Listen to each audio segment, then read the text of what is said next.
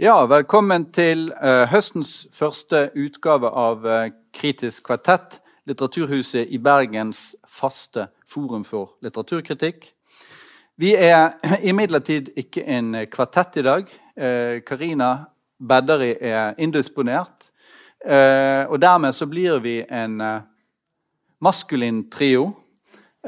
Så, men, men, til gjengjeld er det minst tre av bøkene som er skrevet av en kvinne. Dermed så håper vi å unngå eh, at det blir en stag night. Eh, med oss i dag som eh, ordinær gjest har vi Jonas Hansen Meyer, som er litteraturkritiker i NRK. Skribent og podkastmaker for BLA og ellers lektor. Ja. Med opprykk. Med opprykk, selvsagt. Eh, og så eh, har vi eh, som vikar for Eirik Vassenden, eh, Vassendens kollega og gode venn, eh, Jørgen Seiersted, eh, som er professor ved UiB, i likhet med meg selv, som altså heter Frode Helmik Pedersen, og som i tillegg skriver litteraturkritikk for Morgenbladet og metakritikk for BLA. Vi skal snakke om uh, følgende fire bøker i dag. Vigdis Hjort, 15 år, den revolusjonære våren. Uh, I denne rekkefølgen som jeg nå tar det i. Trude Marstein, Egne barn. Uh, Kjartan Fløgstad, Habeas korpus'. og Agota Kristoff i går. Sånn er rekkefølgen korrekt.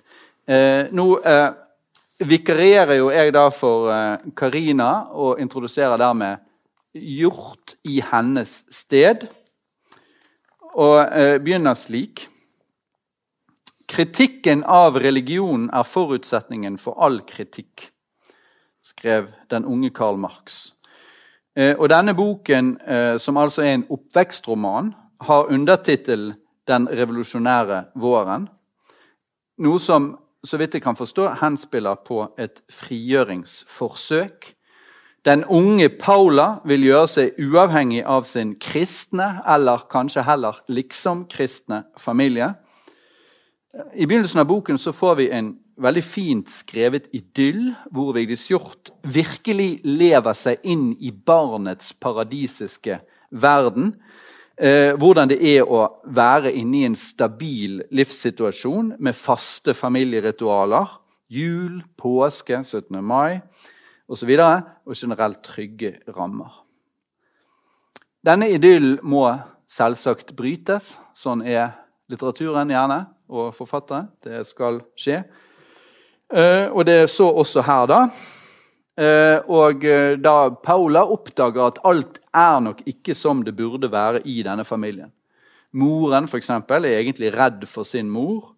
Eh, og Paula kommer vel egentlig frem til at hele familien deltar i en stilltiende konkurranse om hvem som kan fremstå som mest kristne.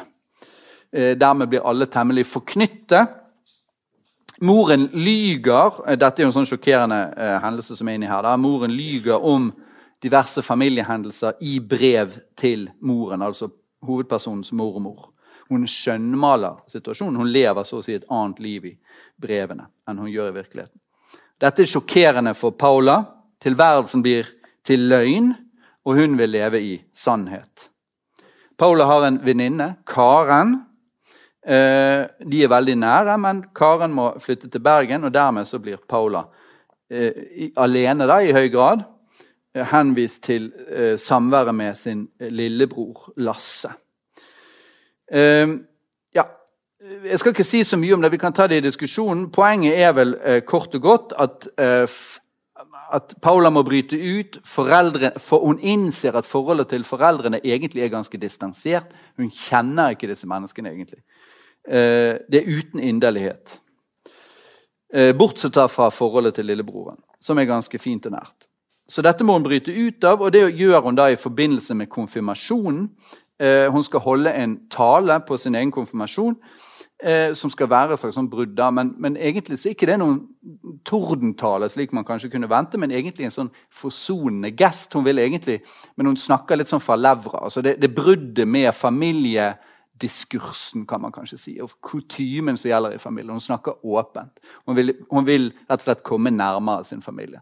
Dette er det jo eh, kanskje naturlig å lese litt sånn gjort som en slags hjortsk gest til sin egen familie, muligens.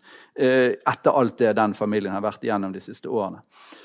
Eh, jeg vet ikke. Men de, hun vil gjerne nærme seg sin familie som medmennesker. da. Og det ser egentlig ikke ut til å lykkes. I alle fall så melder faren henne kort tid etter dette konfirmasjonsbesøket Eh, han ender opp med å um, melde henne på Kristelig gymnas, som er en privat skole. Eh, som hun absolutt ikke vil. og Han spør ikke engang henne om hun har lyst. Eh, og da blir liksom det siste så vidt jeg kan forstå, det blir da å nekte, nekte å begynne på Kristelig gymnas. Og det er muligens da det som er revolusjonen. Jeg vet ikke. Spørsmålet er holder dette. Hva sier du, Jonas? Uh. Jeg må få lov å nyansere litt mer. Kan jeg ikke først si ting jeg liker? Ja, si, si ting du liker. Ja. Altså, eh, Det er flere ting. Det ene jeg setter veldig pris på, er den eh, nærmest heltefortellingen som hun legger opp til. Eh, fra uskyld til det ukjente, og så prøve å liksom konfrontere fienden, dragen, som da er det, denne stivnede Ikke bare kristendommen, men også måten å leve på. Mm. Man kan si ja, det er en klisjé. Ja, det er det. Men det er fordi alle fortellinger er egentlig den fortellingen. Det er min påstand. da. Hvis man gjør det på en annen måte, så, så er det bare for å, å, hinte til at den urfortellingen finnes. Dette er jo tanker fra Jung osv. Ja, jeg syns ja. at hun skaper en Klarer, lykkes ganske godt i å skape en sånn fortelling om håp, som, som jeg ja. kanskje tror de fleste fortellinger egentlig prøver på. Uh, en annen ting jeg liker veldig godt, er disse skildringene av liksom, når hun føler at hun lever, hun ja. unge Paula. Ja. De syns jeg er kjempefine. Flere Men, av de. Hvilke, er, det, er det når hun er under dette grantreet? For, for eksempel ja. uh, jeg, jeg, kjøper de scenene der Jeg ble liksom jeg begynte å, jeg kjente at jeg begynte å leve når jeg leste det. Men holder det? Uh, det, er visse ting her som gjør at det lugger veldig for meg. Det er det ene er at jeg syns fortellerstemmen blandes med den unge Paula, og så er det uklart for meg er dette unge Paula, eller er det den sinte, gamle Paula, eller sinte, gamle fortelleren, som på en måte eh, lurer inn sine perspektiver eh, inn, i, inn, i, unge Paulas eh, eh. Jeg, jeg, har et eksempel. Hvis... Ja, jeg tar et eksempel. For det, det er jo, det er jo uh, rett og slett at du, du tenker at det kanskje tankene er for avansert og for velformulerte til at, de, at, du tror på at det tilhører ja, denne unge ja. Det syns jeg, det, det, jeg det er ganske mye av. Blant annet i den talen du, mm. du nevnte. Der er hun veldig velfor, velformulert, og det er veldig avklart uh, for å være en, en 15 år gammel jente. Men et annet eksempel. Jeg lærte en gang av Bernhard Ellefsen at alle sitater skal gjøre to ting. Ja.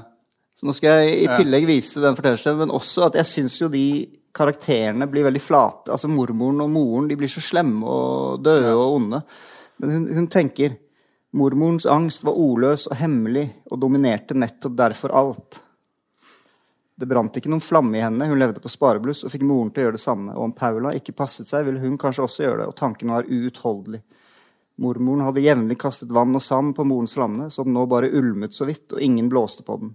Og moren hadde vent seg til at det var sånn, og trodde det skulle være sånn. Så flatt og søvngjengeraktig. Visste ikke om noe annet. Her ligger det og vipper for meg hele tiden frem og tilbake. Og jeg, jeg syns ikke det, den fortellerstemmen er helt troverdig. Nei. Og jeg syns moren og mormoren blir eh, Pappfigurer. Ja. ja. Uh, lurer på hva jeg syns? Ja. Uh, ja, nei, Jeg er jo enig, enig, med dere. Jeg har noen kommentarer. Ehm, det, det ene er den der skildringen av denne familien da, som lever i løgn. Som er på en måte den sentrale delen av boken. Etter idyllen ja. så er det hun oppdager løgn, og så driver vi og smugleser hverandres brev og sånne ting. Ja. Den synes jeg den er ganske god og ganske fiks, også fordi at det er jo enda et nivå, fordi de vet jo Hun oppdager at de, mormoren vet sannsynligvis at moren lyver. Lar henne fortsette å lyve for å holde henne i et sånt jerngrep av mm. angst for å bli avslørt. Som mm. egentlig for lengst er avslørt. Det tenkte jeg på. Så, ja, men det tror jeg er ganske tydelig. Ja, sånn at de, de har alle en Dessverre for deg.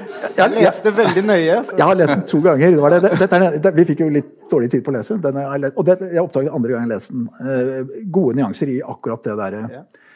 uh, uh, Den dynamikken der, som er ganske sånn innfugl på en måte. Ja. Ja.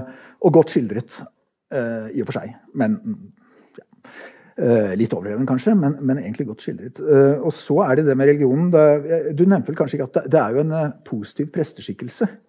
Så mm. religionen er litt vetydig. Altså, du har jo den dogmatiske liksom, religionen som den brukes i familien til å, ja. til å liksom, undertrykke hverandre og, og, holde hverandre i sjakk. og sånt. Og så er det jo, Men presten er en av de, det er ganske sjelden i norsk litteratur at du har positive prestefigurer.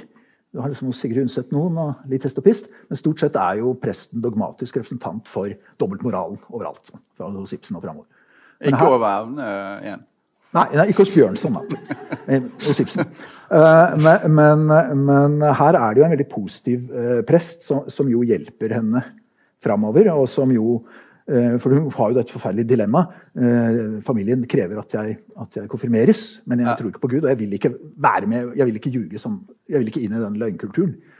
Og så finner de da en slags utkrøpen sånn mellomting.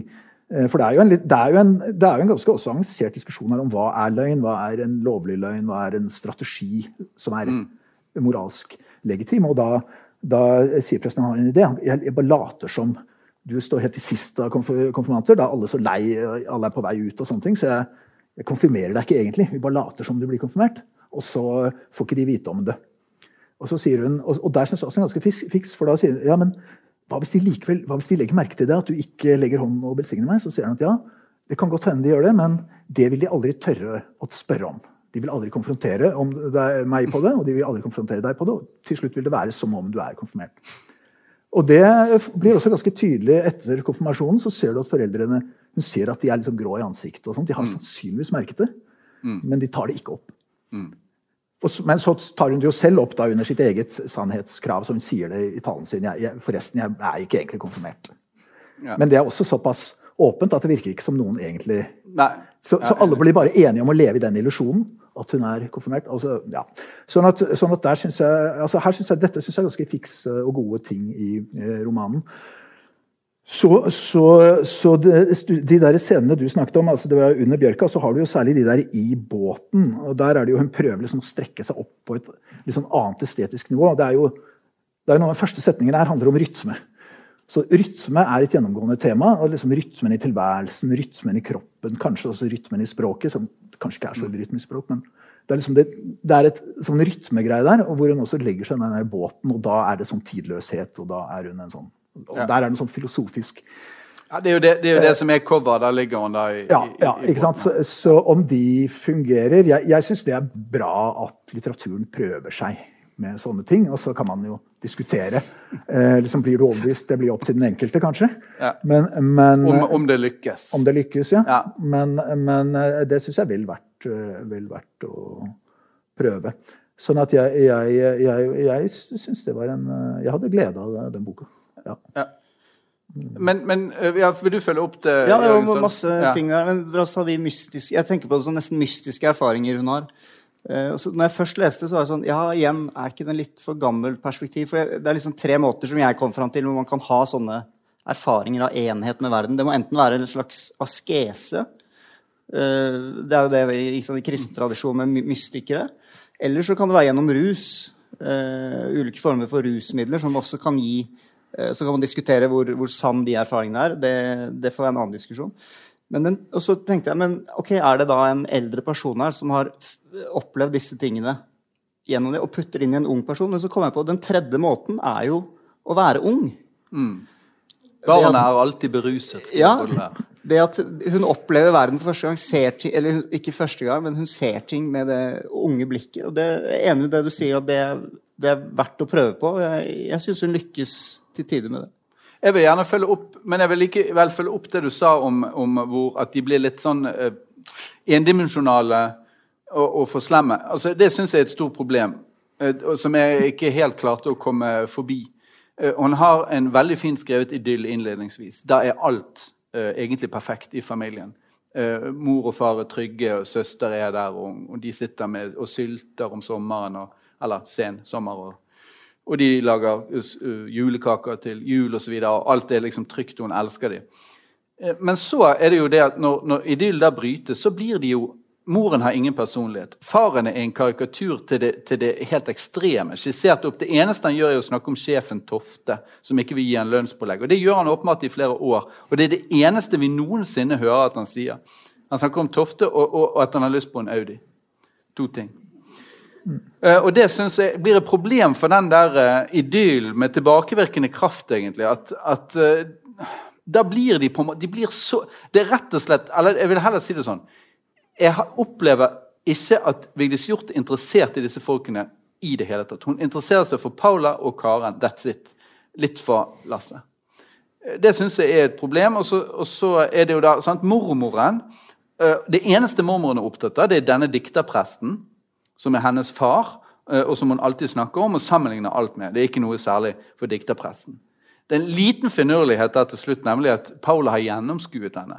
Og Dermed så klarer Paula, uh, i motsetning til moren, uh, klarer hun faktisk å si noe til mormoren under konfirmasjonstalen som mormoren liker. Nemlig at det er egentlig du, mormor, som er en dikter, for jeg tror du har diktet frem denne dikterpresten. Og det, Der trodde jeg at han kom til å bli sur. Nei, det ble hun ikke. fordi at uh, Paula hadde skjønt at det var, det var hun mm. egentlig som var dikteren.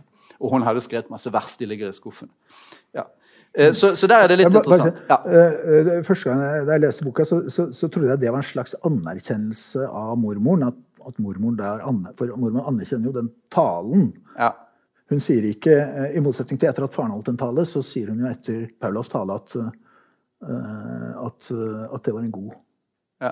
Hun har noen anerkjennende ord. Uh, og så viser det seg jo at det, at det var, er jo egentlig kanskje bare fordi at uh, hun anerkjente mormoren for å være dikterprest, som jo egentlig var en ironisk kommentar. Men, uh, men, jeg er litt usikker på om det ligger en slags anerkjennelse av at mormoren gjenkjente kvaliteten i den talen. Ja, Men det kunne vi ha diskutert hvis mormoren hadde vært utstyrt med en personlighet. Ja, noen ikke er. og det er hun virkelig ikke. Og, og farmoren og farfaren i enda mindre grad. De sier knapt noe, de ber bordbønner. Mm. sånn at det, det syns jeg er et problem, rett og slett. Uh, det, er, det, blir, det blir uh, Paula blir omgitt av, av pappfigurer, rett og slett. Og Derfor er det jo veldig befriende når den presten dukker opp og viser en slags åpenhet da, for Paulas tvil og kan snakke om alt med denne presten. Ja. Jeg syns allikevel heller ikke presten helt han, han er jo en hykler, han òg, får jeg litt inntrykk av. da tross alt. Der først var det litt sånn Ja, en hyggelig person. Men nei. En spissborger. For å Ja, hvorfor? Nei, fordi han sier jo, hun sier jo det at han tror vel ikke han heller, da. Men han uh... Var på Gud? Ja. Mm. ja. Det er ikke helt det, det, er ingen, det, det, er ingen i denne romanen som, som, som har en, en tro, da. Uh, ja, jeg, jeg syns den ikke er så dum. Altså, altså han, han, sier at han uh, var vanskelig å tro. Han, du må ville det, er det første han sier. Så sier hun ja, men jeg vil jo ikke. Mm. Men han vil, da. Eh, og så har hun en teori om hvorfor han vil. Fordi hans foreldre kanskje vil at han skulle ville. og sånne ting. Men uansett, du må ville tro. Og så, så har han jo også det argumentet at å, å tro det er, som, det er, noe du må lære deg. Det er som å spille et instrument. Mm. Uh, sånn at uh, Og det, så, og det, det, så jeg synes han er, han er, Men så skal, når hun endelig skal oppsøke ham på slutten, så har han jo reist til Nord-Norge for å skrive sine memoarer. og sånne ting, Så da har han jo bare på en måte trukket seg tilbake. Men, men uh, men eh, jeg føler at han, han, eh, han er en slags Han er ambivalent skikkelse, ja. enig i det, fordi han, han liksom går inn på det lureriet. Han står ikke for den totale sannhet og totale åpenhet og bare bus ut med alt som er sant. Men hvem mener egentlig det? Det tror jeg ikke romanen heller mener. Romanen anerkjenner at vi må ha strategier, og at vi, ikke, ikke, ikke, at vi kan ha hemmeligheter. Og at sannhet ikke er så helt sånn enkelt krav å forholde seg til, tross alt. Men det er, en, det er, vel en, slags eh, versjon av Alberte, Corazandles Alberte, ikke det? I dette igjen? Eh, hvor du aner at det er en slags sånn 'portrait of the artist as a young eh, woman'. At hun, mm. hun er annerledes enn denne venninnen Karen, ja, som er lettlivet. Sånn. Hun er mer alvorlig. Hun er inne med denne grankjørtet sitt, eller den granleggen hvor hun sitter. Ja, ser ut akkurat som hun eh, uh, gjør hos Liv Køltzow i den novell, berømte novellen uh, øyen heter ja, jeg husker ikke. Men i fall, altså det der med å sitte, være den som observerer livet da, innenfor et skjult sted osv. Det er mange sånne. Og så har hun en epifani. Og Den epifanien syns jeg var ganske artig. og det er at Hun fisker med, en, med sin bror i en kulp. Og så En dag så kommer det opp fra dypet av kulpen så kommer det en fisk som er veldig sånn, sterke farger. og sånn. Som er ikke interessert i verken agnet eller de andre fiskene. Skal bare opp og se på dem. Ser han på dem, og så svømmer han ned igjen til bunnen. Og så tror uh, lillebroren at det er Jesus. Den, men den, det, er en, det, er en, sånn epifani som er typisk for den type romaner. Ja. Uh, som, men som jeg syns var ganske fin. Ja. Ja. Hun har sett noe. Hun har sett det sammen med lillebroren. Det er jo også en scene hvor hun skriver Det er en sånn, skrive, en sånn metascene hvor hun, hvor hun ja. blir løft, løft, løftet mens hun skriver et av disse brevene til, ja. til venninna si. Som, som, er typisk sånn meta, ja, om forfatteren som ung. på en måte. Ja, Så, så, så det kunne, det kunne man kunne forestille seg at det kom eh, som to romaner til da, om Paula. Hvordan det går med Paula. Ja, da. Mm. Mm. For dette slutter er litt uforløst med den talen. For den, den talen er litt underlig, syns jeg. også. Jeg kjøp, jeg kjøp, jeg kjøpte den ikke helt. da. Nei da, det er jo det at hun holder den talen, og så, og så har de ingen resultater. Så, det, så, plutselig har de allikevel meldt henne opp på KG, ja. hvor hennes søster har, lidet, har lidd ja. og, og, strøket i matte og, og, alt det der. Og så, og så bestemmer hun seg hun skal nekte, og så skal hun til å gå inn og, ja. si det. Men liksom ikke, vi ser ikke den konfrontasjonen. Men da har hun på en måte sagt det hun ville, og da har familien fått en sjanse til å ta henne imot. Og da kan hun etterpå si nei. Ja. Ok, Men jeg tror vi må avslutte Men Jeg, vil bare si ja. en ting til der også. for at, Der syns jeg også den er ganske fiks. Ja. Der har han også sånn metagrep at det er har refleksjon, da, som du sier, som ikke hører til i en 15-åring, men i forteller, ja. eller fortellerperspektivet, om at det, slike endringer skjer jo ikke som en tale. eller noe sånt. Det, det tar tid. ikke sant? Du må, du må liksom så ordet, og så må det ta en stund. og så prosessen tar tid.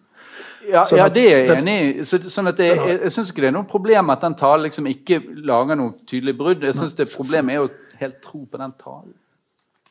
Det er det jeg ikke helt skjønner. Men kjente du det, Fikk du noen følelser når du leste talen? Eller?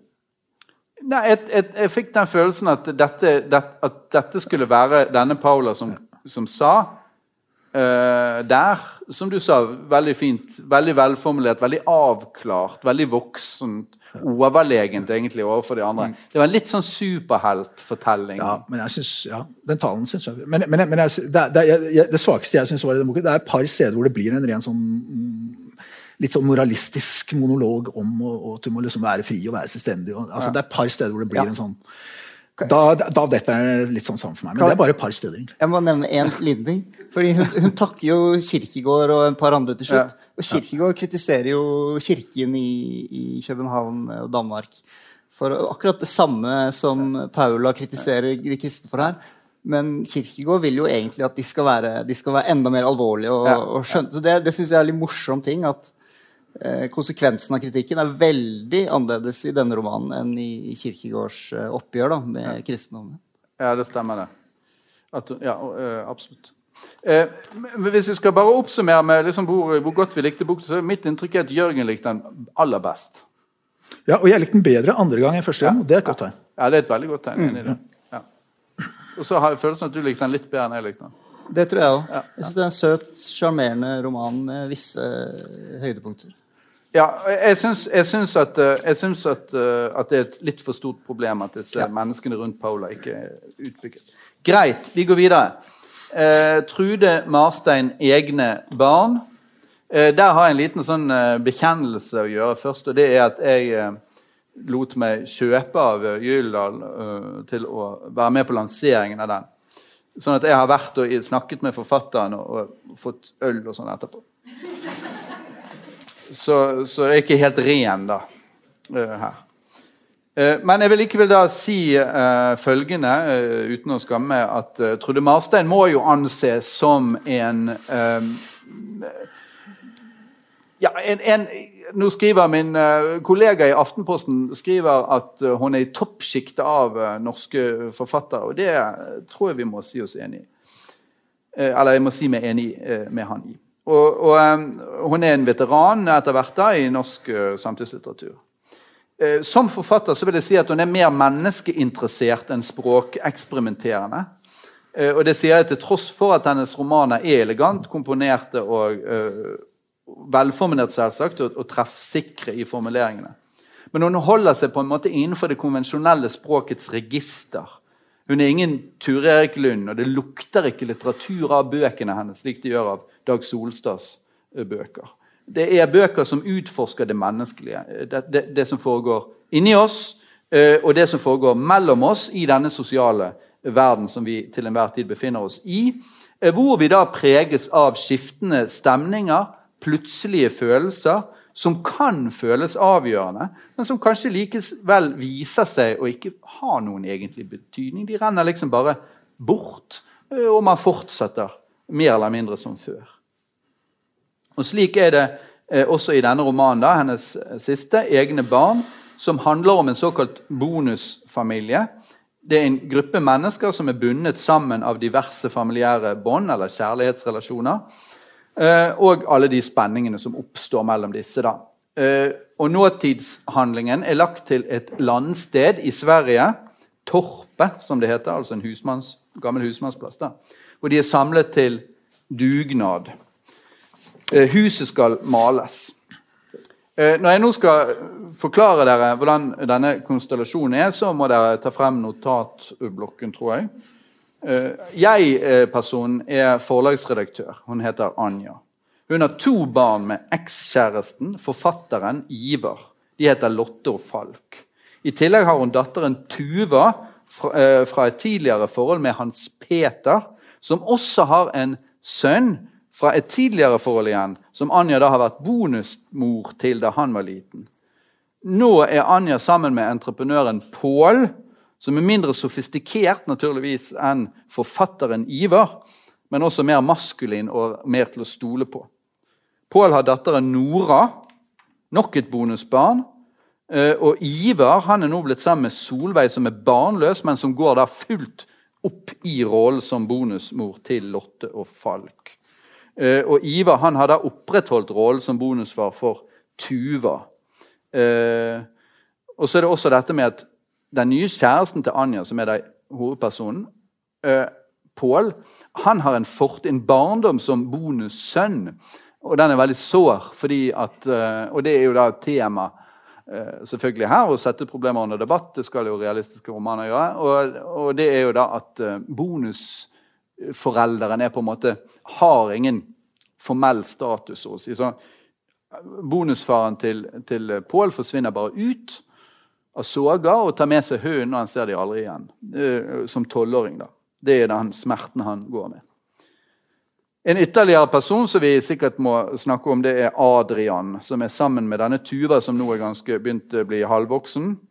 Eh, og eh, sammen med en skikkelig dust av en psykologspire. Uh, ja. Sånn at uh, Det som man kan si da om, om, denne romanen, for nå bare å gå inn for landing, det er at du har en nåtidshandling, og så har du uh, en sånn innvevd fortid hele tiden i denne nåtidshandlingen. Sånn at vi får hele tiden tilbakeblikk som kan være ganske lange, som dreier seg om deres tidligere relasjoner, og som gjør at du får en sånn ganske sånn stort trykk på denne nåtidshandlingen. Det er eh, veldig mye ikke bare slagg, men også glede og all, all slags bagasje der fra fortiden som, som, spiller inn hele tiden, som presser seg på. Um, det, det, må sies. Og så tror jeg også jeg vil nevne det at ja, det er et lite oppgjør, et mor-datter-oppgjør, i løpet av denne helgen, dugnadshelgen i Sverige. Men det er, det er, et ganske lite oppgjør. Det er ikke snakk om at hun vil bygge denne, disse spenningene opp til et stort crescendo, som her skal bli et stort uh, så, å si en eksistensiell krise, eller hvor, hvor ting blir helt annerledes. Hun vil, hun vil bare skildre hvordan, hvordan, disse spenningene arter seg, og, og, så glir de igjen over i en slags vanlig hverdag. Ikke, det det, folk er ikke forandret etter denne turen. her. Iallfall ikke sånn grunnleggende. Så, så det, er nok, det, er nok, ganske bevisst at, at, hun har holdt igjen, så å si. da. Det ville vært fristende å kjøre dette litt lenger og lage et større konfrontasjon. større opptrinn, eller større, mer Kokkeli Munke. Det er jo litt sånn Kokkeli Munke mellom, mellom, Anja og denne Ivar. Da. Det tar litt sånn på puppene og, og, og, sånn fyller, men nesten ingenting. Kysser jo lite grann. Kysser ikke òg? Jo, jeg kysser litt grann dagen etter, tror jeg. Mer sånn på innfall. Men det blir ikke noe sånn stor sak. Tunge, ja. Tungekyss, ja. Ja, det var kanskje det. Ja, eh, ja, så, så jeg syns jo men, men, altså bare sånn, bare sånn for å tone flagg, da så syns jeg jo at Og det er jo også fordi at Karina ikke er her. Karina hatet jo denne romanen verre enn pesten. Så hun burde jo selvfølgelig ha vært her, og det er jo veldig trist at hun ikke kom seg på flyet. Men hun skrev i Morgenbladet at dette var, eh, at dette var Jeg ville ikke anbefale den til noen. Så, men, men, der er jeg ikke enig med Karina. Men jeg syns nok kanskje at Aftenposten Aftenpostens anmelder uh, Preben Jorda gikk litt vel langt når han eksempel, uh, mente at den var bedre enn den forrige boken til Trude Marstein. Det syns ikke jeg. Ja, Da kan du få si ja. hva du syns. Jeg tenkte på det mm, Karina trekker jo frem den forrige boken var det så, så, mye hadde jeg. Ja. Og trekker frem den som et, en god bok. Ja. Jeg hadde tenkt å si, Hvis du likte 'Så mye hadde jeg', kommer du til å elske eh, egne barn, ville jeg sagt. Så jeg ville anbefalt den til Karina. Men hun ja. sier jo hun vil ikke anbefale den til noen. Nei. Det syns jeg er veldig sterke ord, fordi jeg syns jo det er Trude Marstein eh, i god form. Ja. Eh, hun Jeg syns noe av det beste med Marstein er alle de situasjonene hun klarer å skrive frem, som skaper gjenkjennelse, og som er ganske såre. Også, du sier det er ikke noe crescendo i boken. Men det er, ja, sant, som du også er inne på, hun holder tilbake, hun holder tilbake. Så i det universet er det vel kanskje det største utslaget da, på spenningskurven, det der morsoppgjøret. Ja. Men mitt problem med med romanen, og også når jeg leser Marstein ofte, er at eh, etter ca. 50 sider så føler jeg at jeg har skjønt greia Eller jeg har fått en dose. Og da, jeg føler ikke at jeg trenger nødvendigvis å lese resten. Det har noe med komposisjonsformen òg. Hun har den nåtidsplanet, og så har hun disse tilbakeblikkene. Som hun er kjempegod på, og som er litt sånn tilfeldige. Litt sånn stream of consciousness.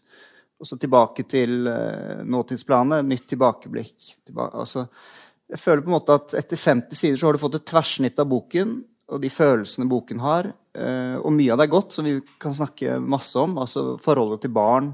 Hvordan foreldre og barn liksom glir fra hverandre. Eh, så akkurat det syns jeg er et problem. At jeg, jeg, jeg, kan, jeg, føler at jeg ikke trenger å lese mer etter 50 sider. Men jeg blir kjempeopptatt av de menneskene. Jeg blir sinte på dem, og jeg blir irritert på dem. Og jeg tror kanskje jeg projiserer en del på dem. Men at, altså, du kan ikke drive og spise kjeks til frokost, liksom. Eller, fordi de gjør jo mye sånn dumme ting. Eh, sånn, søte kjeks. Ja, søte kjeks. Og du kan ikke sitte og skrive roman mens kjæresten din prøver å fortelle om en drøm. Eh, samtidig. Det er jo helt idiotisk. Ikke sant? Sitte og jobbe mens en Så det, jeg blir veldig engasjert. Og føler nei, vi kan bedre enn dette her. Menneskeheten må reise seg. og vi kan ikke... Ja, ja, ja for det er jo sånn forsoningsprosjekt. ikke sant? At livet ble ikke som det ble. Ja, det stemmer. Og det må vi leve med, for det er også godt. Og så ender det jo med en liten happy ending. Eh, hun ser på huset de har malt. da. Og kanskje jeg bare kan lese det. De har utrettet noe. Ja. De har utrettet noe, og det slutter sånn her. Huset er rødt, nymalt. Det fyller hele bevisstheten. Det fyller tid og rom. Det er så pent, så ladet med alt som har vært og er. Alt annet kan holdes ut og takles i lys av det. Et oppdrag utført, en felles bragd.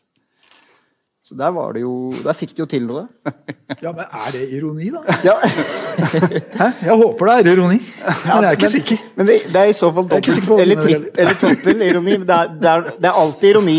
Alltid ironi. Alltid ironi okay. Sannsynligvis. Nei, det tror jeg ikke. Det tror jeg faktisk ikke. Jeg, jeg, tror ikke, Nei, jeg håper det er det. Ja, men det, ja, Få høre, da. Jeg aner en kritikk her. Ja, altså, eh, Nå har ikke jeg lest eh, Bedari sin eh, Nei, nei, men du sin anmeldelse, men det høres ut som i hvert fall jeg har noen felles synspunkter. Men, jeg, men jeg, jeg det, det, er jo mye bra. Dere har jo pekt på noen mm. kvaliteter ved boka som er, er, helt klare. Og det er en veldig presis og grundig og detaljert skildring av på en måte et følelsesregister i en sånn moderne familiekonstellasjon. Ja, ja. da, Med dine og mine og våre og sånne ting. Og, og det er liksom hvis man har ja, hvis man er i en slik situasjon og, og har et slikt liv, så, så, så man kan gjenkjenne Veldig mye. Deta veldig detaljert sett og beskrevet. Hyperrealistisk. Ja.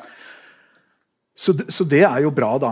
Men, men, så, men så, så, føler jeg at, at det, det, er, utrolig jeg, jeg, reagerer som det. Jeg blir irritert på, men jeg blir liksom irritert på hele prosjektet.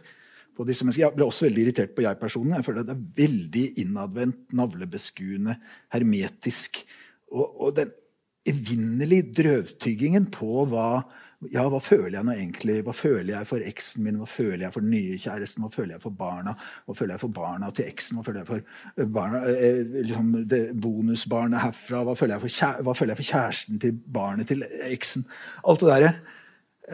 En, en, veldig drøvtygging på de tingene der. Tror, og det, er liksom presist.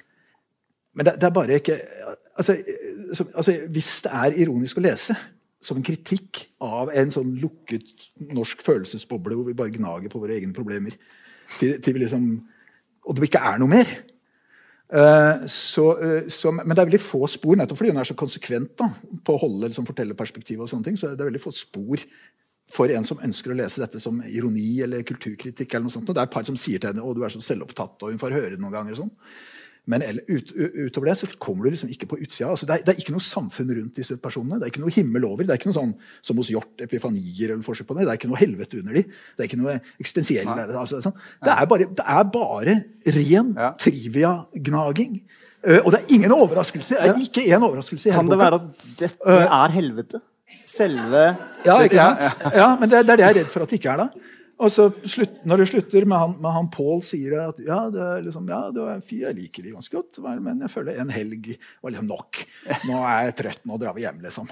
Ja, men, Også, men, men tror, der, vil jeg, der, vil jeg, absolutt si, Jørgen, at, at uh, du har rett, men, uh, men det er jo nettopp sånn okay, livene er, er det. Er, det er jo det er realisme, rett og slett. Tror jeg. Det er en form for hverdagsrealisme. Uh, jeg spurte ham på dette intervjuet som jeg nevnte, er dette alt vi kan håpe på i verden. Er, det, er dette livet er det liksom, Ja, men hun mente at det er ikke for, Er det forferdelig? Du mente at det kanskje var en helvetesvisjon til og med. Nei, det er fint. Eh, det er fint, eh, og det er trist. Eh, og det er fortrøstningsfullt, og det er fortvilende.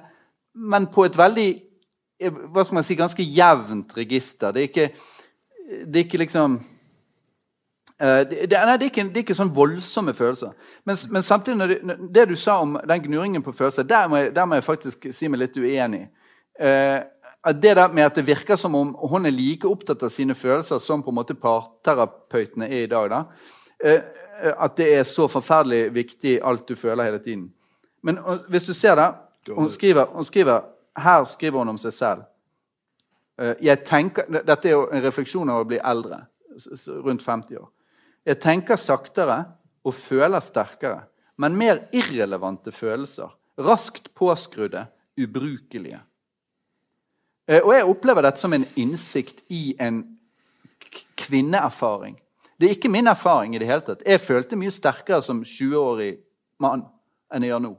Jeg vil ikke falle meg inn og si at jeg nå føler, føler mye, mye sterkere enn det. Men jeg tror på at hun gjør det, og jeg tror også på at det er en representativ erfaring. Med andre ord, jeg lærer noe. Du lærer noe om kvinnen? Ja, ja, jeg lærer noe om kvinnen. ja. Den middelaldrende kvinnen. Nei, det føler jo, jo, jo, jo, det er irrelevante følelser. Det, det kan jeg absolutt se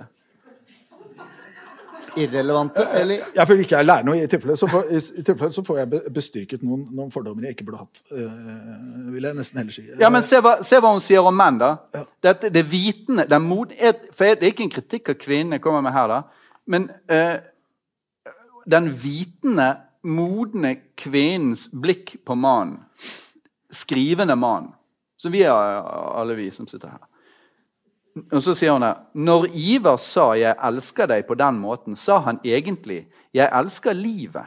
'Jeg elsker meg selv'. 'Jeg elsker alt jeg har oppnådd, og alt jeg har, blant annet deg'. Og Det syns jeg faktisk er, er, ganske treffende. Og spørsmålet er er det forferdelig. Er, er det forferdelig, eller er det greit? Ja, jeg, jeg, vil si det er greit for de menneskene. Eh, men helvete er at jeg ser for meg at hvis jeg sitter på en hytte og så skal man sitte og drikke vin, og, og så er det sent. For meg er det ganske ille, i hvert fall når de har de samtalene de har. Um, men det er nok mye provisering som er inne på. Jeg skal spise søt kjeks i morgen til frokost. Så Bare ja. si det. Ja. Men, men um, Ja, du er ikke noe bedre, du? Nei, kanskje jeg, dessverre ikke, da. Men um, Så jeg, jeg, tror det for dem er det bra. Ja. Det er forsoning, det er kjærlighet, det er glimt av håp. det er, uh, ja. Så jeg tror ikke det er en kritikk. Jeg tror jeg leser det som en så presis som overhodet mulig gjengi, et mimetisk litteratur. Nå skal vi gjengi virkeligheten. Ja, og Sånn sett er det jo presist, men på en måte helt flatt. Altså gjør ingenting. Det er, det, jeg, jeg, lærer ingenting av dette her. Det må jeg si. Uh, Innsikt i det jeg, jeg gjenkjenner jo, jeg gjenkjenner jo en del uh, ting som er på en måte uh, uavhengig av om jeg er mann eller dame, som jeg kjenner godt til fra før. Og det, det er presist beskrevet på en måte som jeg ikke kunne beskrevet det sjøl.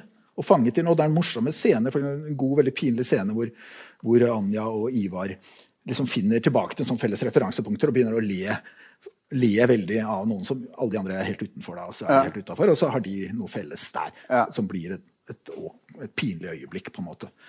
Uh, og det er, det er, fint beskrevet og gjenkjennelig og, og sånne ting. Uh, men det, det, lærer meg ikke Og det åpner ingenting. Uh, så du mener det er naiv, naiv, realisme? er det du sier? Det er ikke noe refleksjonsdybde ja, jeg, jeg, jeg, jeg, tror det er et prosjekt. Jeg tror ikke det er naivt. Jeg tror det, Dette er et helt gjennomtenkt prosjekt. altså. Mm. Uh, men, men altså, jeg, nei, jeg, liker bøker som, jeg, sånn, som, sånn som Hjorta, som prøver å, i hvert fall prøver å åpne opp. Både litt oppover og litt nedover. og, og litt uh, utover uh, i, i, samfunnet, som, som, kanskje ikke Hjort gjør så mye, da, men, men, som noen av de vi kommer til senere gjør. Sånn at, sånn at, sånn at jeg syns det blir noe, noe veldig, veldig, lukket og tungt med dette. Ja, altså, Jeg vet ikke om dere kjenner til denne romanen. Og, og, og, og og jeg synes ikke, altså Du irriterer deg over de flate moren og faren og sånn i, i, Hjort. Men jeg syns altså, det farsportrettet, som jo er veldig minimalt hos Hjort, er jo mye sterkere mye sterkere tegning enn liksom, hennes relasjon til de to klisjeene Paul og Ivar. Paul som er sånn entreprenør-handyman-klisjé, med liksom kraftig og hårete bryst og sier 'it's ok', it's ok. Og det er liksom greit. Uh, og han der Ivar som er sånn narsissistisk forfattertype. da. Uh, det, de, er, de er rene klisjeer. Det er mye, mye mer på de få linjene om eh, faren hos Hjort. Nei, nå må du gi det. Han, Nei, faren hos Hjort sier ingenting annet enn at Tofte ikke gir meg lønnspålegg.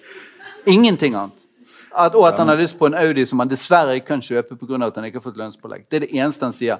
Han Ivar han er, han er, der er skildret Han er ikke bare en dust. Han er ikke bare, han er sjarmerende.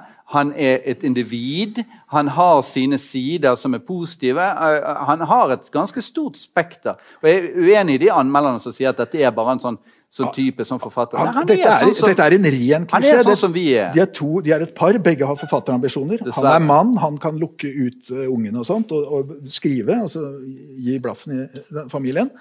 Uh, mens hun, moren da, hun er kvinne, hun klarer det ikke. Eh, så hun, da, da, kommer familien inn, og så får ikke hun realisert sitt forfatterprosjekt. Sånt. Dette er en klisjé. Det kan, Dette er klisjé. kan fremdeles være sant. Uh, ja, men da må vi komme videre. Sant? Da må vi komme videre. Og det hjelper ikke denne boka til. Den bare befester disse Jeg syns Ivar er nyansert skildret. Helt klart og fremstår for meg som et ganske tydelig menneske. I motsetning til hjort, faren i Hjort. Jeg er, nok, faren til Hjort, jeg er nok mest enig med deg. Faren til Hjort møter ikke datterens blikk. når han det er Faren til Paula. Ja. Men, men, jeg har lyst til å trekke fram én ting med ja, Marsteins roman. Absolutt. Faren til Paula. Det var riktig. hva syns dere om forholdet til sønnen Falk? Det syns jeg var noe av det fineste i, denne romanen. Altså, Favorittbarnet hennes. Det syns jeg Ja, men han kommer til kort. sant? Det er jo litt, det er faktisk litt ubehagelig. Hun, der er en sånn scene, jeg tror jeg har skrevet det ned et eller annet sted hvor uh, hun er sammen med en Bjarne eller Bjarte eller noe eh, et års tid bare etter, um, etter at det er blitt slutt med, med denne Ivar, da, før han har truffet den entreprenøren Pål. Uh, og, og, så vil han Falk han er veldig sånn, vil, vil gjerne at ting skal funke og sånn. Uh, og, så, og, så, og, så, vil han bare liksom signalisere at han er klar for denne nye bonusfaren. Og så kommer han inn uh, fra badet, og så han, stikker han hodet inn i stuen. Der sitter de og drikker vin. Og så sier han det er samme for meg hvem som vasker håret mitt. Mm. Liksom, han kan også gjøre det hvis det, det hvis det, passer bedre. Og da er moren veldig sånn streng inn, inni seg da, med denne Falk som fremstår som, en, som sier, en grenseløs person. Som kommer inn og, og blamerer seg på den måten. Som er åpenbart litt sånn her uh, Tigger om uh, ja, og det er en åtte år gammel gutt. sant? Så der er jo, der er jo egentlig romanen ganske sånn Syns jeg press, presser den morsportrettet ganske langt i negativ retning. På en måte som er likevel er troverdig. Hvordan hun begynner å vurdere sine egne barn. Det, det, er derfor, det, er jo derfor, man har tatt opp dette med 'Plutselig å åpne en dør', som var hennes roman Ikke debutroman, men hennes første roman. Ja, Du kan kanskje kalle det en debutroman. Ikke debutbok, men uh, fra 2000. Det er jo en veldig kald kvinne, kald mor, som er hyperreflekterende overfor sitt barn. Og Der sa han jo i et intervju uh, i en eller annen avis, tror det var, at hun hadde vært inne på tanken å gjøre dette til den samme personen bare 20 år senere. Men så skjønte hun at hun ville blitt for kald i så fall. Hun ville ikke ha den type. Hun, har på en måte, hun vil ha inn en varme, hun vil ha en moderlig varme overfor disse barna. Hun har beveget seg på en måte litt som fra Ibsen til Bjørnson. kan du si da. Eh, plutselig åpner en dør er en ibsensk bok, mens her vil hun, hun vil ha denne varmen inn. da. Men selv om hun er av forfatternaturen til Marstein, er at kulden vinner. Altså, De er kjipere enn de Vi tror kanskje at vi selv er litt bedre enn disse personene. Det tror jeg. Vi håper det. Jeg fant et sitat av Aristoteles. Ja. Komedien er, som vi sa, efterligning av mennesker som er ringere enn gjennomsnittet. Eh. det stemmer. Mm. Eh, ja, så dere er enige? Dette er, det er en komedie. En komedie av de som er ringere enn gjennomsnittet. Det er ikke sånn jeg har tolket dere fram til Nei, altså. Men det kan være. Nei, jeg tror ikke hun mener å vise hvor forferdelig middelklasselivet er. Og jeg tror ikke hun mener noe annet enn at dette er sånn sånn det er. Jo, men Poenget er at hun, hun kamuflerer alt med eh, håndverket sitt. Så at eh, det som er humor, blir balansert ut veldig fort. Det som er overdrivelse, blir balansert ut. Hun, eh, hun har veldig kontroll. Eh, kanskje Adrian, som du var inne på. Han psykolog-svigersønnaktige eh, ja. karakteren er kanskje litt overdrevet. Eh, ja, det er en karikatur. Ja. ja. Men tenkte, det leste jeg som en kritikk det, du vet, i, i, i, gamle dager så sa man at uh, litteraturen sto i en krig med filosofien. Men nå, vi, lever, jo, nå lever vi jo i psykologiens tidsalder, ikke i filosofiens. Uh, og dette er, hennes, dette er, hennes, blikk, sånn som jeg leser det. Dette er forfatterens blikk på psykologien. Ja, det, tror jeg. Her, det, er, det, er, det, er, din kritikk av psykologien, men dette er jo bare en psykologistudent på andre året. Jo, men hvorfor, sånn at jeg hvorfor... boka som sådan skriver seg jo inn i en sånn psykologiserende altfor psykologiserende. Så jeg føler at denne boka nærmer seg jo en slags sånn Ja, hun vil være bedre. Hun vil være en bedre psykolog enn psykologene. Ja. ja. På deres premisser. Ja, ja, og jeg, ja, Ikke, for lite kunst og for mye psykologi. Ja, ja, men, men det, som, det, som, kommer veldig i fall tydelig frem, er jo at psykologien mangler uh, selvinnsikt. Mm. hvis, hvis, han er representativ for psykologien så, ja, altså det at, det at, han hele tiden sier det som er riktig å si, og dermed blir totalt inautentisk og komplett ulidelig og ikke skjønner det selv. Ja, men han er en karakter, Og det er jo det er det også han Pål nærmer seg en karikatur. Altså den nye kjæresten hennes. Han er, han er veldig igjen. Ja da. Der har, der har jo gjort med dette hjulskiftet og sånn gitt en mye mer dynamisk ja, det, det, det, av for, den typen forhold, som her er klisjé, altså helt klisjémessig. Og, og jeg, kan ikke se at det er noe grep på det i boka, egentlig. Nu vel. Okay. Greit. Uh, skal, vi, eh, skal vi si mer? Jonas, vil du si mer om denne? Nei, vi har, vi har sagt mye. Ja. Men jeg, jeg, vil rose mange av de gode situasjonene som jeg sitter igjen med etterpå. F.eks. når han Falk ringer noen på døren uh, jevnaldrende, og så si, ja, snakker de litt, og så går de, og så spør moren hva var det Så sier han nei, de skulle bare si unnskyld for noe. Og så tusler folk uh, Det er sterkt. Da er hele denne historien Vi får ikke høre historien. Nei, nei. Jeg, jeg synes, sånne er det mange av i romanen. Det syns jeg er verdifullt. da. I, ja. ja. Nei, jeg, synes, jeg setter også veldig pris på, på, på den der uh, konsise og det skarpe blikket. altså. Eh, som man har på, på, den virkeligheten vi, vi eh, dessverre eller heldigvis bebor. men ja, så, Sånn at jeg, jeg vil jeg anbefale boken.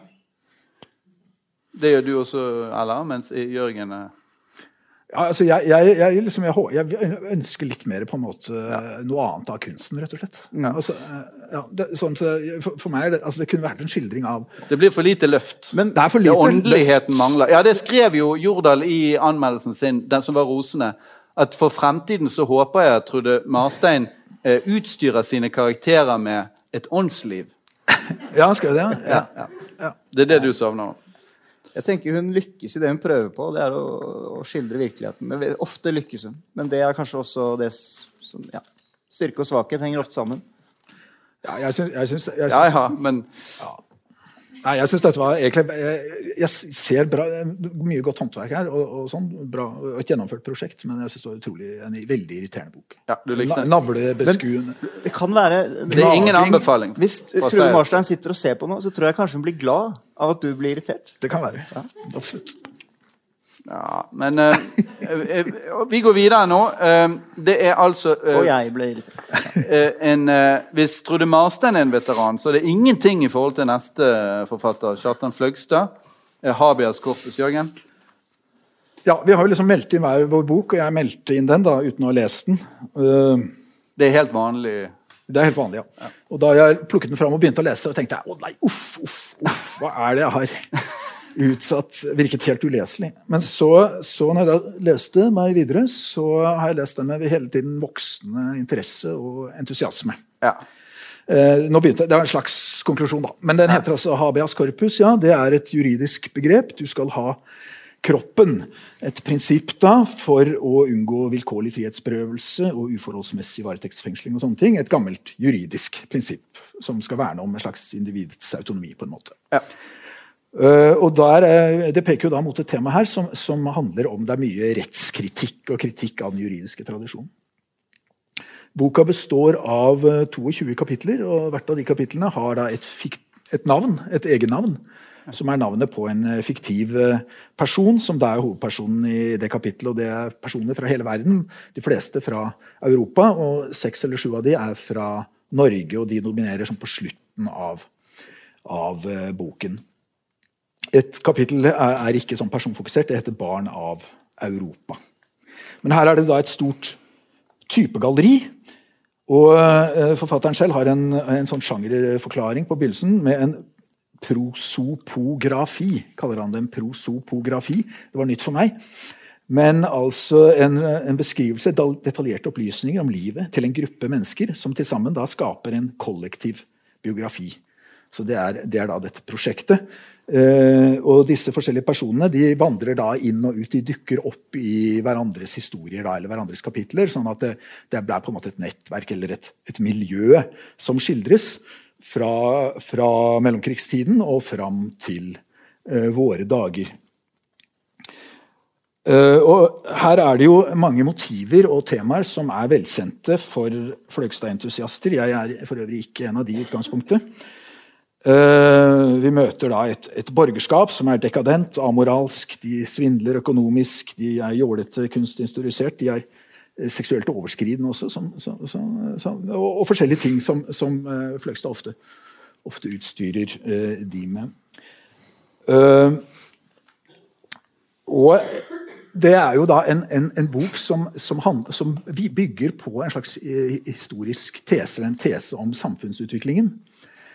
Og, og, det er jo at eh, kulturutviklingen i Europa er ikke eh, på en måte slik som vi ofte tenker på det. At vi hadde en mellomkrigstid med mye ideologisk kamp, og så fikk vi en rensende krig hvor det gode, liberale samfunn vant over eh, det mørke, da, nazismen, og så lever vi nå i et, i et slags frelst, liberalistisk, vesteuropeisk kultur. Sånn er det ikke. Det er tvert imot, ifølge denne boken, en kontinuitet, en kontinuitet fra 20-30-tallets Eh, ideologiske tenkning tvers gjennom krigen, eh, som fortsetter fram til i dag. Og veldig mange av de, av de uh, kulturfenomenene vi har i dag, alt fra litteratur, altså dekonstruksjonen, Paul de Mann nevnes jo her, mm. sosiologien, økonomien til og med, og, og jussen, da, særlig veldig mye mm. jussen, er en ren forlengelse av, av ikke minst tysk mellomkrigstids 30-talls- og krigsideologi. Og dette, dette, blir jo da bestyrket med at, uh, med at, uh, det er da noen av disse biografiske livene. Både disse fiktive, men også de fordi de, de, disse fiktive personene de går rundt i et miljø av faktiske historiske personer. Så man hele tiden sitte og google finnes denne, er dette en reell person. Er dette en reell person? Og det er et, helt, et stort miljø av reelle historiske personer som da har en biografi som knytter deres eh, mellomkrigstids- og krigstidsyrker eh, og utøvelse av, eh, av fascistisk og nazistisk styre da, og inn i, inn i etterkrigstida. For eksempel, jeg gjør stort poeng av at det er eh, noen, et par av medlemmene av EU-domstolen i 20 år etter krigen var folk som, som hadde deltatt altså Ifølge denne boka, men det bygger jo da på saklige opplysninger og har noteapparat og sånne ting, som satt i, i fremskutte posisjoner i, i, i, fascistiske styrer før krigen. da. Ja, Når du sier fascistisk, mener du nazistisk? Ja, Det er jo litt både òg. Det, det, er jo ikke så mye om Italia her. Det er jo Nazi-Tyskland. Ja, det er først og fremst ja. Nazi-Tyskland. Si. Ja. Sånn at, sånn at øh, Og akkurat denne retts, tesen om retten her er jo, er jo så vidt jeg forstår, da, at, at, uh, at, at denne, altså førerprinsippet, at retten tjener makten. Ja. Retten tjener makten er jo verktøy for makten, og sånn skal det være. Sånn må det være. Og sånn er det fremdeles. Og det, Den kontinuiteten strekker seg fra eh, imperialismen og frem til EU. da, så han er veldig ute etter EU. Det er veldig mye EU-kritikk her. Og veien fra kong Leopold, belgisk Kongo, til EU-kommisjonen den er veldig kort. Det står allerede i første. Den er bare en bitte liten trikketur. Og, og Brussel er mørkets hjerte. Brussel er mørkets hjerte fra belgisk Kongo og til i dag. Sånn leser jeg. Det, sånn leser jeg. Så det, det, er en veldig sterk eh, historisk på en måte, tese som er litt, sånn rystende. og, og altså, Jeg tar ikke stilling til den. altså Jeg kjøper ikke den. Men så spørsmålet for meg er mer fungerer dette estetisk. Ikke sant? Og, og uh, litt apropos det vi allerede har diskutert, så syns jeg uh, kunst som, som liksom bryr seg om samfunnet, som, som, tar inn historien, og som ser menneske, menneskeskjebnen og menneskepsykologien sånn, i lys av historien, det er det for lite av. Noen lykkes med det. Solstad for eksempel, i mange romaner lykkes med å se den sammenhengen mellom liksom, individuelle sjeleliv og samfunnsutviklinga. Det prøver på en måte denne boken her også, men den legger jo da veldig stor på vekt på samfunnsutviklinga. Og hvis det er en kritikk, så er det jo sånn at disse personene blir De er bare sjablonger. De er slags karikaturer. De er tegnet med veldig, veldig bred og, og pensel. og sånn, Så du, du, får liksom ikke helt den der, selv om det er noen, På slutten er det liksom noen sånne skjebner som går litt til grunne i dette, og som får noen, får noen, eh, får noen sånn samvittighetskvaler og, og, og, skjærer ut og sånn. Men, men eh, det, er, det, det, er, jo det persontegningen. Du blir ikke veldig engasjert i enkeltindividene her. Det syns jeg ikke det blir. Mm. Men jeg syns den har en voldsom energi i dette ideologiske prosjektet og i denne grunnfortellingen. Uh, som jeg synes at, uh, gjør at jeg syns det er fascinerende fascinerende bok å lese. Morsom å lese, og den gir et, et nytt perspektiv. og får deg til å tenke litt på samfunnsutviklinga uten at du liksom skal kjøpe det og ta det for god fisk. Men uh, ideologisk bevisst og engasjert litteratur det er det ikke for mye av i dag. Uh, så, så, jeg er egentlig veldig glad for at jeg meldte inn denne boka. Jeg synes den, den, er, den, er, viktig. Ja, jeg anbefaler den. Og, og, og det, det, tar en stund, da. Ikke sant? Og det krever litt, uh, krever litt å lese den. Men er, jeg syns man får egentlig ganske mye igjen for det. uten Man trenger jo ikke å kjøpe Nei, ideologiske budskap. Jonas? Ja, jeg eh, er ganske enig med veldig mye av det du sier. Eh, jeg slet med denne boken, eh, men jeg er veldig glad for at jeg leste den, kom meg gjennom. Så det er mye googling, man må sitte og liksom finne ut av dette nettverket. Men jeg, jeg syns det er en veldig original form på romanen. Denne prosografien som han beskriver. En sånn ytre beskrivelse av mennesker. I begynnelsen så ble jeg litt sånn lei etter hvert av at alle, alle menneskene var advokater. Eh, eller veldig, veldig mange. Ikke alle, men veldig mange av de er jurister. Og alle juristene, inntil et visst punkt i hvert fall, er eh, De havner jo på feil side av, av historien. Eh, men etter hvert så Og, og det samme er ikke sant, alle disse nazistene. De, det er et sånt ironisk blikk på dem. Um, som ikke Ja, som du er inne på, liksom, det blir ikke helt mennesker. Men etter hvert så begynte jeg å kjøpe akkurat den ironien at dette er mer en harselas på en eller annen måte med eh, Ja, med hvordan det kan gå galt da, når mennesker liksom ikke står opp for det gode eller um, bare gir etter for omstendighetene. Så jeg likte den totalt sett veldig godt. Uh, nå skal det sies, Jeg har ikke lest Fløgstad før. Ja, du er en ung mann. Ja, jeg er 40 år. 40 år. Uh, er, er, du såpass? Så jeg burde kanskje ha lest Fløgstad, men uh, om det ville påvirket, det vet jeg ikke. For jeg vet jo at dette er ideer han har arbeidet med før. Men eh, jeg var glad for å lese boken. Og veldig fascinert. Og jeg syns det beste er egentlig de røttene i, i, i Tyskland på 30-tallet. F.eks. han Felix Korczak, som mm. uh, studerer filosofi. Og så kommer disse soldatene, så begynner de å alle begynner å banke i pulten. Han sitter rolig i båten og ikke, ikke, gjør noe galt, liksom. Og så switcher han over til å studere juss, og han ser på liksom, nazismen som en intellektuell utfordring. Um, og så melder han seg inn i nazipartiet liksom, av formelle hensyn, for han skal begynne å forske. Uh, de røttene der, som senere sant, han Felix ender opp i Norge og blir kjørt rundt av en NS-mann eh, som sjåfør.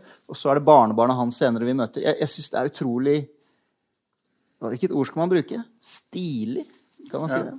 Ja, altså det, det, er ganske elegant flettet inn noen av disse, noen av disse trådene som man binder sammen etter hvert. Eh, han er jo da sammen med sin venn Nasaret, som også er en nazist, da, som er en del av okkupasjonsstyrken. Som kommer til Odda, blant annet. Og der, eh, der du får liksom frem forskjellen mellom de to. Kovac, hva er det den het? Korvac. Korvac. Ja. Eh, Korvac er mistenksom, intelligent, vurderende. Og han, De møter da en sånn vert på hotellet der i Odda, og, og verten er Eh, sjarmerende på en måte som, eh, som, gjør at han, Korvac med en gang skjønner at det her er en motstandsmann. Han, kan, han kan ha åtte elskerinner, og ingen av de skjønner noen ting. Eh, her må vi ha husransakelse med en gang. Det er det første han tenker. Mens Nasaret sier nei, vi la oss se hva han har på menyen først. Liksom. Og Så begynner de å spise og drikke, og så hygger de seg istedenfor. Driter i denne husundersøkelsen. Jeg, jeg syns det er ganske sånn fin. I det hele tatt, det, det kapitlet i en slags sånn roadmovie gjennom okkuperte Norge syns jeg er fin. da. Og jeg syns også at uh, jeg synes også at uh, jeg liker også Fløgstads energi med hensyn til denne radikale kritikken da, av alt, på en måte. For det er jo ingenting som slipper unna, nesten, av, av samtidsfenomener. Uh, og det der med at de sitter da, rene nazister under Det tredje riket, som sitter som jurister og administrerer dette tredje riket, og som da etter krigen blir liksom menneskerettighetsspesialister rundt omkring i EU. og sånn. Jeg syns jo det er, det er, ganske heftig. Eh, og hvor mye av det som stemmer, det er, må man jo se. Men de, de, det er jo et faktum at at veldig mange bare fortsatte. Altså Eliten i Nazi-Tyskland bare fortsatte. Litt sånn på forskjellig vis. Eh, noen av de dro til Latin-Amerika, det er jo også med her. Og de, de bistår da Pinochet-regimet osv. Diktaturer rundt omkring. Og sprer egentlig sitt han, han, går jo så langt til og med som han sier det at de har egentlig bare forandret ordene. Tidligere snakket de om Gråsraum. Nå sier, du, nå sier de Europa. Litt kjedeligere, men det er det samme. Og Egentlig så er det Tyskland som har, som har tatt over hele Europa, bare med litt andre midler, og det er ikke minst jussen. Det er det han sier. Mm. Uh, uh, og, og, så sier han også det at retten er aldri, er aldri noe, noe annet enn et, et instrument for den var et instrument for nazismen.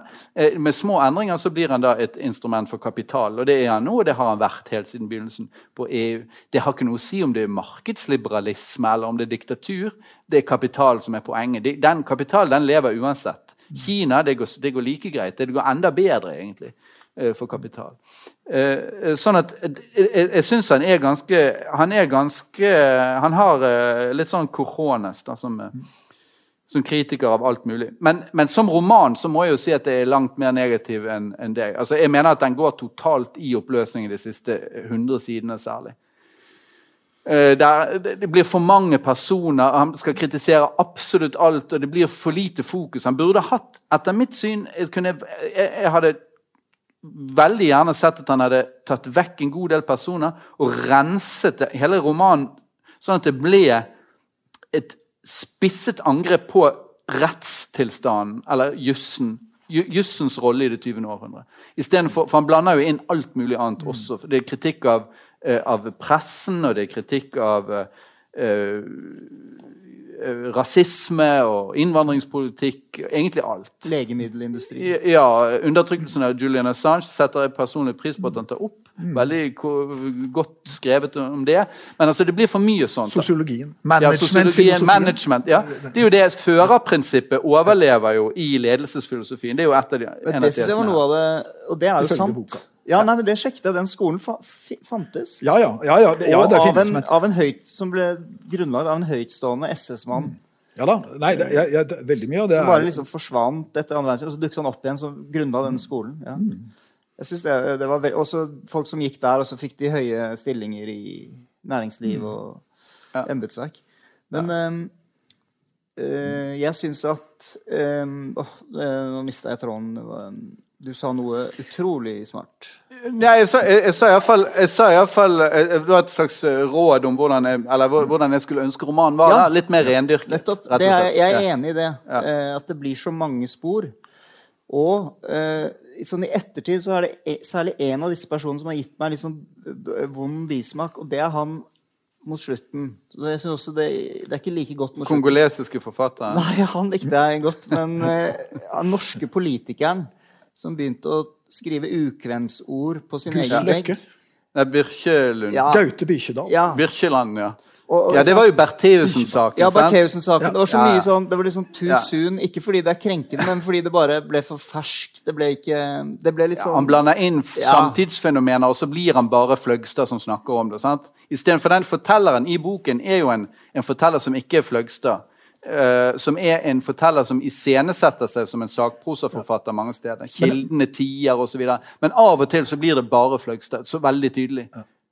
Ja. Men, men, men jeg er enig i det. Og, og, og du, jeg synes jo du var jo positiv. Du, du sa at de knyttes inn i hverandre, disse personene, på en finurlig vis. Jeg syns ikke det er finurlig. De, de kastes inn i hverandres fortellinger. Det er ikke sånn at du Av og til er det finurlig. Å ja. Ja. ja, det klarte ikke jeg å se. For det er ikke sånn at du har mange sånne plott som på en finurlig måte liksom nøster seg sammen og tvinner en tråd. Eh, de er kastet inn i hverandres fortelling her og der for å skape en slags illusjon av et eller annet som skjer. Men, men det er jo en viss ut... Altså det er som sagt det er jo noe med at På slutten så blir det tyngre innslag av disse norske eh, Det er flere norske personer. Byrkjedal og vi nevnte de, hun Ljoslo og, og han Gustav B. Løkke og disse herre som, som på en måte går litt til grunne. De får en slags kvaler. De lykkes ikke. De, det, det er for kynisk for dem. De er en slags naive personer som går litt til grunne i dette spillet. Da. Så kommer sånn mordmysterium helt på slutten der. eh, Så det, det topper seg litt i attentat er ikke akkurat et mord. Et attentat mot Et en fremstående EU-byråkrat. Ja. Ljoslo, som da hun heter Oslo med Ljos og Oslo. Hun blir tatt litt sånn typisk Fløgstad. Sånn at, sånn at jeg er jo enig at på den måten, som plott ja, altså Det er tilløp til noe, men det fungerer ikke så veldig bra. Og, og man har jo ikke det som har vært i en del tidligere Fløgstad-romaner, nemlig en, en slags en, en pos, positiv kraft, en utopi. Eh, industriarbeiderne eller noe sånt. Her må det finnes noe rent, og sånn skriver han i, i, i noen tidligere verker. De, det finnes jo ikke her. Her er det jo veldig bekmørkt. Det er jo en, eller det er et par opposisjonelle stemmer. Det er jo han som heter Juan Reichenau Zamora, en spansk gruveingeniør som blir eh, einstøing og marxistisk eneboer. Ja, og ender som en sånn gåsefarmer i en fjord ytterst i Finnmark. Ja. En slags opposisjonell motstemme som da blir bare helt gal. Og kanskje et slags eh, ironisk selvportrett av, av liksom outsiderens rolle. Eh, Ja, som må liksom gå til mot- grunne, og han går, ja, går, han går under jorden i fysisk forstand ned i gruvene for å lete etter eh, glemte menneskelige kjensler, eller hva han sier. Ja, Ja. Fortapte menneskelige kjensler. Sånn det, er det, ekte, det det autentiske, det er langt, langt under jorden. Så det er et rop fra avgrunnen på en måte, Ja, hele ja, romanen. At her, her er det nå liksom, alt- er alt totalt. Og Absolutt. motstemmen er bare, er, må bare være Men vi er nødt til å gå videre, derfor er jeg litt sånn knapp med deg nå. Eh, og prøver liksom ja, det er noe. Det er et sånn alvor der. Ekstensivt alvor. Ja. Ehm, ja, vi må til siste roman. Det er altså uh, Agota Kristoff. Noe helt annet. Ja, det er det. Uh, Agota Kristoff, dette er den første romanen hun skrev etter den kjente uh, tvillingtrilogien. Den kom vel ut på 90-tallet opprinnelig. Overs- 95. Ja. Ja, oversatt til norsk uh, for første gang eh, i år. Eh, og dette er jo, Cappelen Dam har hatt en sånn revival da, av Agota Kristoff. Eh, denne romanen handler om eh, Sandor Lester, som lever et forferdelig liv på en fabrikk. Han må stå opp klokken fem om morgenen. Han må ta bussen til denne fabrikken. Han har ikke noe utdannelse, så det er liksom kun der han kan overleve. For å jobbe masse, masse for å klare å få penger til mat, så vidt. Han, på denne fabrikken så spiller fabrikkledelsen spiller alltid musikk, og det er lys på. Og så kan de kjøpe sånt hvitt pulver som landsbyapotekeren har eh, laget for dem. Så, som gjør dagen litt lettere. Det er sånn ubestemmelig Jeg vet ikke helt hvilket land det er i. Eh, det er noe litt sånn tidløst landskap eh, i, i skildringen. Men det er liksom denne fabrikken og det gjentagende livet til Sandor. Men han har én ting han lengter etter, og det er idealkvinnen Line. Det, det, det, gir han håp. Det er en slags kvinne han har konstruert. Men han er sammen med en annen kvinne som heter Jolanda. Som han ikke bryr seg om noe særlig. Han er på ferie med henne, og, det, da går han lange turer for å slippe å snakke med henne. Han, men det er altså en mann som har liksom draget på damene. Han, på et eller annet tidspunkt så blir han bedt om å være tolk. Eh, for noen av, for har, dette, da, dette, kommer frem ganske tidlig. Han har flyktet fra uh, sitt hjemland. Det er derfor han er, jobber på denne fabrikken. for har, Det er liksom hans eneste sjanse i dette landet. Og ganske tidlig får vi da rullet opp hans situasjon i dette hjemlandet, hvor han bodde med moren sin. Og moren var landsbytigger og, og landsbyhore. Hun lå med bøndene der for å få mais og, og korn og mat. Og, og, så oppdager Sandor Han begynner på skolen, og så kjenner han igjen læreren. Dette kan jeg godt spoile, for dette kommer tidlig i romanen. Mm. Læreren er jo ofte på besøk hos moren og ligger med moren. Og Da har de døren åpen, for det blir så varmt. og Etterpå går hun og vasker seg i en bøtte, moren, og går tilbake og legger seg. Um, og så skjønner leseren ganske tidlig at denne læreren det er jo faktisk faren til Sandor. Et kjempefint uh, sånn handlingsvending. Uh, fordi hun, han sitter ved siden av datteren til læreren i klasserommet. Line heter hun. Og hun sier ja, men du har jo på deg jakken til broren min og skoene til broren min. Så skjønner man at dette er jo det læreren betaler for å ligge med, med moren. Um, men, så dette er, dette er, denne situasjonen han flykter fra, for det er også krig i dette landet han bor i. Han flykter fra krigen, og han frykt, flykter fra denne situasjonen med Han blir mobbet, alle vet at moren ligger med hele landsbyen. Så, og så gjør han noe før han drar. Altså han, for han, han, oppdager litt senere at uh, læreren er faren, og da går han inn fordi han læreren vil ikke ha noe med moren å gjøre, så han dreper dem. Det er i hvert fall det han prøver på. Stikker en kniv inn og lener seg på kniven, så den skal gå gjennom læreren, men også moren. Og så flykter han. Og det er der vi møter eh, Sandor, som egentlig het Tobias i sin barndom, men han tar navnet Sandor. Som er lærerens, som er lærerens navn. Eh, og så flykter han til denne fabrikktilværelsen. Eh, der får han et eh, psykotisk sammenbrudd. Og det er, egentlig der romanen starter, med at det er en snakkende tiger som ringer på døren, og det er musikkspill, piano. Og han spiller, og, og da når jeg begynte å lese det, så ble jeg nei, vær så snill, spare spar meg. Tigeren satt midt i rommet og smilte. Jeg følte det var veldig uforpliktende. Uforpliktende prosa. Eh, men så heldigvis så slutter det første lille drømmeaktige partiet, som det er flere av i romanen, men som man skjønner selvfølgelig mer etter hvert. Det var sånn jeg døde. Snart smeltet kroppen min sammen med jorda. Neste kapittel. Jeg døde selvfølgelig ikke. Da våknet jeg. Det er sånn Beckett. Det regnet. Det regnet ikke. Men mye mer, synes jeg er mye mer alvor i det. Jeg døde selvfølgelig ikke. Og da får vi den harde, konkrete virkeligheten til Sandor. Uh, ja, man kan si mye mer. Han, alle disse landsmennene Det er, ganske, det er mye tra tragiske ting. Det er uh, incest, det er selvmord. Jeg, jeg, har lest den flere ganger. Og Det er først tredje gangen jeg leste den at jeg skjønte at dette er en kjærlighetsfortelling. Fordi denne drømmekvinnen han drømmer etter, Line, drømmer om, hun kommer jo plutselig en dag på bussen på fabrikken og jobber der. Og det er Line fra barndommen, datteren til læreren, hans halvsøster. Um, nei, jo. Ja, ja. Halvsøster, ja. Det stemmer. Hun kommer på fabrikken, og han eh, ja, lengter det er, det er, henne som er Line. Det har jeg ikke tenkt på. Det er hun som er Line. Line er Line. Uh, ja. Og så ja. er det én ting til han skriver. Det er også noe som gir han lindring i hverdagen. Ja. Og hva, nå, Vi har dessverre litt dårlig tid ja. til denne. Oh, ja. Så hvis du, kan, hvis du, bare kan, si da din dom Jeg syns det er kjempegod litteratur. Jeg elsker det. Det var veldig konsist. Tusen takk. Jeg kan nyansere litt. Om, Hva sier du, Jørgen? Ja, nei, Jeg er jo enig, jeg er enig at denne, denne det, det, er liksom et litt annet nivå, da. Det er jo verdenslitteratur, på en måte. Sånn som Så de utenlandske er bedre? Nei, de er ikke alltid bedre. Men, men, men av, av, og til så er de det, og de som, de som på en måte kommer så langt. Og, og det, altså er, det, er, litt tankevekkende å lese den i forhold til disse andre. fordi jeg føler at der den ene romanen vi har snakket om, er bare helt innadvendt psykologiserende. Den andre er bare, bare liksom, samfunn og det ytre. Her er det akkurat det. Her er det både liksom, den konteksten, en litt abstrakt tegnet flyktning i diaspora Eh, sånn mm. kontekst, politisk kontekst, og det er menneskeskildring som du blir engasjert i. Altså, mm. du, du, får til den koblingen. og det, det, For meg så er det liksom det er veldig viktig. Eh, og så, er, dukker jo dette spørsmålet om redundans eller overflødighet opp. Altså, de, særlig både Fløgstad og Marstein er jo veldig ordrike. Veldig ordrike tekster, og det er en kvalitet i seg selv, for da blir du jo presset da, til å sitte og jobbe med, så det mm. blir liksom en tilstand i både en dag og to dager kanskje for å komme deg gjennom det der.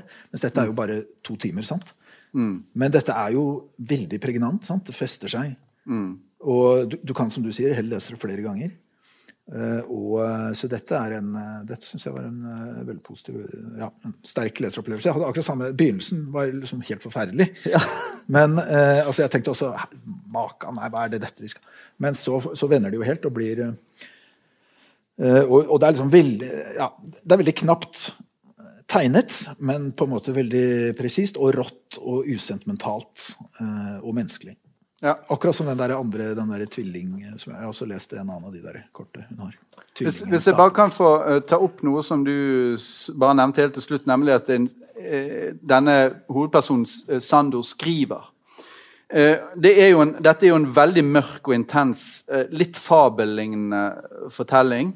Eh, dette med at han skriver, eh, det jo, gjør jo at man får en forventning om at dette skal bli da et portrett av kunstneren som eh, ung mann. Altså at all denne smerten som Sando opplever på fabrikken, i kjærlighetslivet, i fortiden og, videre, som flyktning, det skal til slutt bli til kunst. Det skal til slutt bli til litteratur. Men her, her er jo romanen konstruert som et brudd med akkurat det. sant? Sånn at den umulige kjærligheten er umulig, men skrivingen blir også umulig. Og smerten bryter da nemlig ikke ut i skrivning, men i vold, i nok et mordforsøk. Eh, men, og det kunne man da se som en viss sånn overskridelse, i det minste, av det som en slags makt eller et eller annet. Men også det blir avmakt. Mordforsøket mislykkes for andre gang. Eh, personen overlever, slik faren også overlevde, og moren. Eh, og, og, vold viser seg å være like nytteløs som livet hans. og det ble ikke noe skriving. Men, og da kunne man tenke at ja, men da kunne han i det minste få dø, eller noe sånt. Nei. Han velger et kjærlighetsløst, konvensjonelt liv. Gifter seg med denne Jolanda, får noen barn og lever gledesløst til sine dagers ende. Så mørkt er dette. Og jeg mener vel kanskje at den, ved å være så ekstrem i sitt mørke, så lukker romanen seg litt om seg selv, for, for etter mitt syn. Det er, noen, det, er noen, det er ikke noe lys på slutten, det er ikke noen rikdom på slutten. Det er et lukket univers. Mm. Jeg, jeg, vet ikke om jeg om jeg er enig i at det nødvendigvis må være um, uten lykke det siste. Jeg, jeg så ikke slutten først. Veldig, altså, for slutten er liksom bare syv linjer mm. om at eh, to år etter at hun dro, ble datteren min født. Kona mi, er, Jolanda, Jolande, er en for, forbilledlig mor. Men i det Det er ironi, da. Jo da. Ja, er det det? Altså, hun er en forbilledlig mor, men, men vi vet jo hva hun syns om Jolanda. Ja, ja, det er jo helt forferdelig. det er jo helt, helt forferdelig. Men jeg, jeg, følte at her var det no, kanskje noen antydninger til håp. Da. Men, ja da. Jeg syns de går inn i den samme hverdagen. Mer enn hos Marstein? Ja, samme, de går inn i den samme hverdagsligheten. Vi leverer dem barnehagen om morgenen, vi henter dem om kvelden. Kona mi Jolanda er en forbilledlig mor. Jeg jobber fortsatt på fabrikken. Men elsker henne da ikke? Og har aldri elsket henne? Men, aldri interessert seg for henne? Kanskje han kan lære det? Kanskje han kan lære å elske henne? Nei, dette er en tilværelse som levende død. Det er ingen, det beklager. Men jeg skulle ønsket at hun skrev mer om den tilværelsen. At slutten var litt kjapp. Uh... ja, men, men, men, hele poenget er at det er ikke noe mer ja. å si om den tilværelsen. for han kan ikke skrive. Det er jo det som er poenget. Ja, det er det siste setning. Det er siste setning. Jeg skriver ikke lenger. Nei, Han kan ikke skrive et ord i den tilværelsen. Du virker som du har tenkt å avslutte. Ja. Kan jeg lese en sexscene? Ja, som en dessert. De står på broen. Kirkeklokken slår ni slag, det regner, og de snakker om denne umulige kjærligheten. Uh, hun skal tilbake til hjemlandet, hun kan ikke være sammen med en arbeider på en fabrikk. Og hun er jo gift og har barn, uh, Line. Og så ja, de, Han vil ikke tilbake til hjemlandet, og det er bl.a. fordi han har jo drapsforsøk bak seg der. og sånt, men jeg trykker henne mot meg, jeg kysser henne på munnen lenge, veldig lenge, mens lynglimtene lyser oss opp, mens tordenen drønner, mens en veldig varme skyller gjennom meg, og jeg får utløsning, tett inntil Line. Dette er verdenshistoriens beste sexscene i litteratur, for den er så uforløst og rar. Det er ikke en eh, Hva kaller man det når man får to får orgasme samtidig? Det er jo bare han de kysser jo bare, og de har klær på seg. Men han, det tordner og lyner, så det er akkurat som om han får en orgasme sammen med eh, jord, himmel ja. det, det, er ganske dristig og drøyt. Og ja, Man kunne òg si at det var litt sånn over the top. da. Ja, men det, og det, jeg elsker at hun gjør det. Det tordner og lyner. Ja. Ja, ja. Men, det er jo vanligvis ikke sånn. Så hun, I min erfaring. ja, men, ja, men, her er det jo bare han som får orgasme. Sammen med, det er noe en, veldig ensomt i det. Nei, men Jeg er enig med dere i at den er veldig flott, det er en veldig flott skrevet roman. og den er, den er, på en måte perfekt i seg selv. Veldreid urne, så å si. Men, men, men, den er også litt lukket og litt i mørkeste laget, etter min smak. Ja, du kan akseptere det. Men, men du, dere, dere syns det var en helt fantastisk roman, begge to. Du elsket den, han sa 'elske'. Ja, Det har ikke jeg sagt, men jeg syns den er veldig god. Ja, Greit. Da avslutter vi. Vi har gått litt over tiden. Takk for tålmodigheten.